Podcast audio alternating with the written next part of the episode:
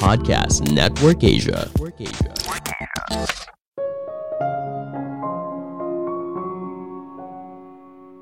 Jika targetmu tidak bisa diukur dan tidak ada batas waktunya, maka itu bukanlah target yang benar. Halo semuanya, nama saya Michael. Selamat datang di podcast saya, Sikutu Buku. Kali ini saya akan bahas kalau rahasia sukses itu ternyata dari membuat sebuah tujuan yang benar. Ini merupakan rangkuman dari video TED Talk John Doerr yang berjudul Why the Secret to Success is Setting the Right Goals dan diolah dari berbagai sumber. Membuat sebuah tujuan yang benar bisa menjadi perbedaan antara kesuksesan dan kegagalan. Beberapa pemimpin gagal karena mereka memimpin timnya menuju tujuan yang salah. Namun, beberapa orang mungkin merasa, toh selama ini target penjualan selalu tercapai. Berarti benar dong tujuan yang dibuat? Belum tentu. Bisa saja tim kamu kekurangan inspirasi untuk mencapai tujuan yang lebih besar lagi. Tujuan itu ibarat seperti penunjuk arah jika dari awalnya salah, belum tentu kita akan sampai pada tempat yang kita harapkan. Sebelum kita mulai, buat kalian yang mau support podcast ini agar terus berkarya, caranya gampang banget. Kalian cukup klik follow.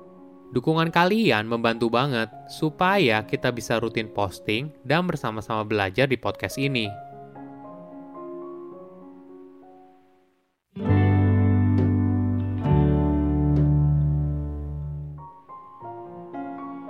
Bagi pemilik bisnis atau kerja kantoran, mungkin familiar dengan terminologi objectives dan key results.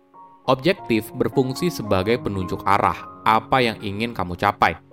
Key results berisi soal bagaimana cara kamu mencapainya dan paling penting harus bisa diukur sehingga pada akhirnya kamu bisa melihat kembali untuk mengecek apakah kamu sudah mencapainya atau tidak. Ada fakta yang menarik. Mayoritas dari kita entah menetapkan tujuan yang salah atau tidak menetapkan tujuan sama sekali.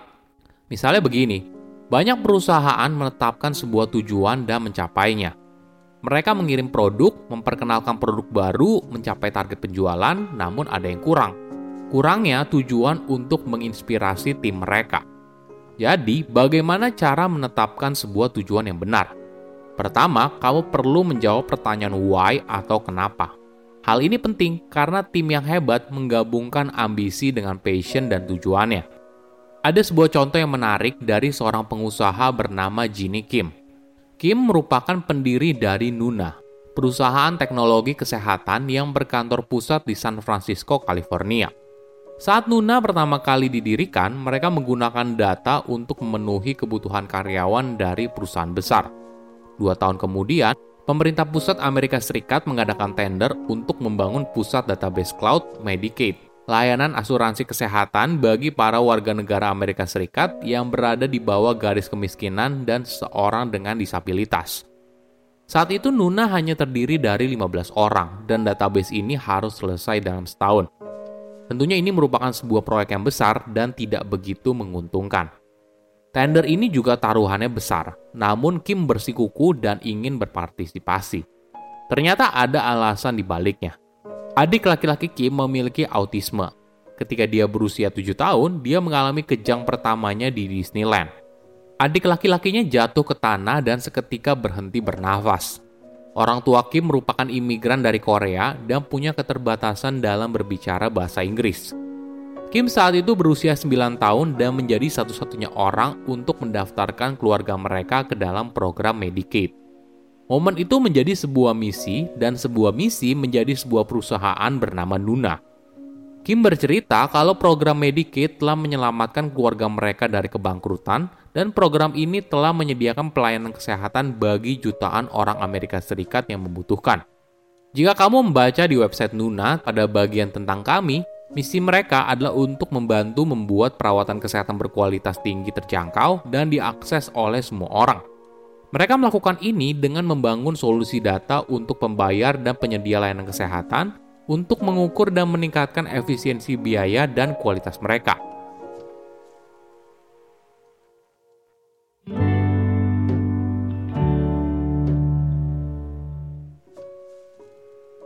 Menariknya, skema objektif dan key results tidak hanya bisa digunakan oleh korporasi atau pemilik usaha, tapi bisa digunakan oleh siapa saja untuk mengarahkan apa yang ingin dicapai dalam hidup. Ada contoh yang menarik dari penyanyi band legendaris U2 bernama Bono. Selama bertahun-tahun, Bono bersama dengan organisasi sosialnya telah menggunakan skema ini untuk menjalankan kampanye global untuk melawan kemiskinan dan penyakit. Oke, tadi kita sudah bahas soal why yang jadi pendorong kuat dalam menciptakan tujuan. Nah, sekarang kita akan bahas bagaimana cara mencapainya. Punya tujuan yang kuat saja tidak cukup. Kamu perlu menyusun langkah-langkah untuk mencapainya. Perlu diingat, hasil yang baik adalah hasil yang spesifik dan terikat waktu. Agresif tapi realistis, bisa diukur dan bisa diverifikasi. Itu adalah key results yang baik. Ada contoh yang menarik dari Google.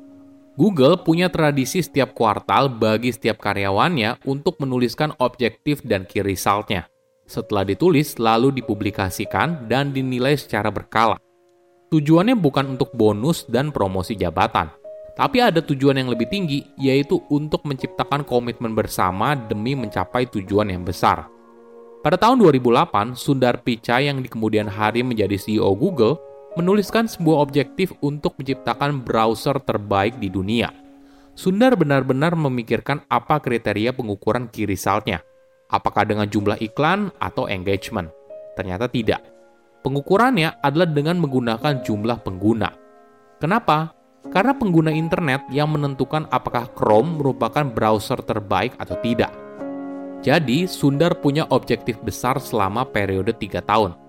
Setiap tahun, pengukurannya tetap sama, yaitu dari jumlah pengguna. Namun, jumlahnya dinaikkan terus-menerus. Misalnya tahun pertama, Tujuannya adalah untuk mencapai 20 juta pengguna. Namun dia gagal mencapainya karena hanya kurang dari 10 juta pengguna. Di tahun kedua, jumlahnya malah ditambah menjadi 50 juta. Lagi-lagi, Sundar dan tim tidak berhasil. Mereka hanya mencapai 37 juta pengguna. Terakhir di tahun ketiga, targetnya dinaikkan lagi menjadi 100 juta pengguna.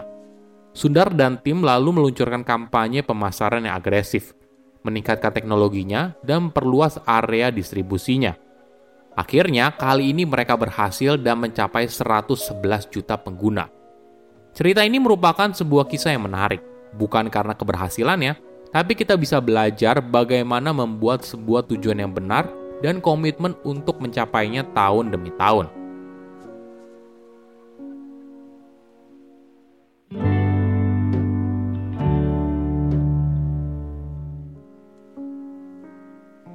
Apakah kamu bersemangat untuk membuat objektif dan key results? Selamat mencoba. Ada beberapa tips menarik untuk menghindari kesalahan dalam menulis objektif dan key results. Pertama, jangan berpikir bisnis as usual. Biasanya, ketika diminta untuk membuat objektif dan key results, karyawan menulis target yang bisa dicapai tanpa mengubah apa pun yang sedang dikerjakan saat ini. Tentunya hal ini merupakan pendekatan yang salah, Seharusnya objektif dan key results mengacu pada apa yang konsumen butuhkan atau tim butuhkan. Kedua, target yang terlalu kecil. Tujuan yang besar seharusnya benar-benar menguras waktu dan tenaga semua anggota tim yang terlibat. Namun, apabila tim tersebut mampu mencapai objektif dan key result terus-menerus tanpa membutuhkan semua anggota tim atau modal yang tersedia, maka ini bisa menjadi tanda bagi manajemen untuk membuatnya lebih efektif. Tiga, perhatikan baik-baik objektif dan key results. Misalnya, jika kamu membuat objektif dan key result hanya dalam waktu 5 menit, kemungkinan besar itu bukan hal yang bagus. Coba pikir kembali. Pastikan kamu menulis tanggal dan target yang bisa diukur sebagai dasar untuk mencapai apa yang kamu inginkan. Saya undur diri, jangan lupa follow podcast Sikutu Buku. Bye-bye.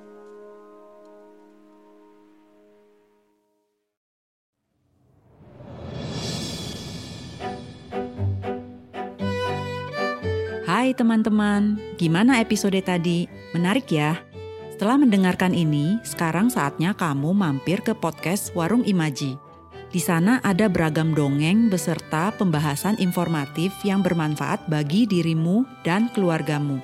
Saya, Veronika Tan dari podcast Warung Imaji, menunggu kedatanganmu.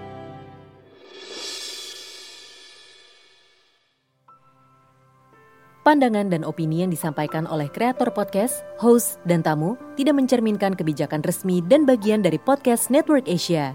Setiap konten yang disampaikan mereka di dalam podcast adalah opini mereka sendiri dan tidak bermaksud untuk merugikan agama, grup etnik, perkumpulan, organisasi, perusahaan, perorangan, atau siapa pun dan apa pun.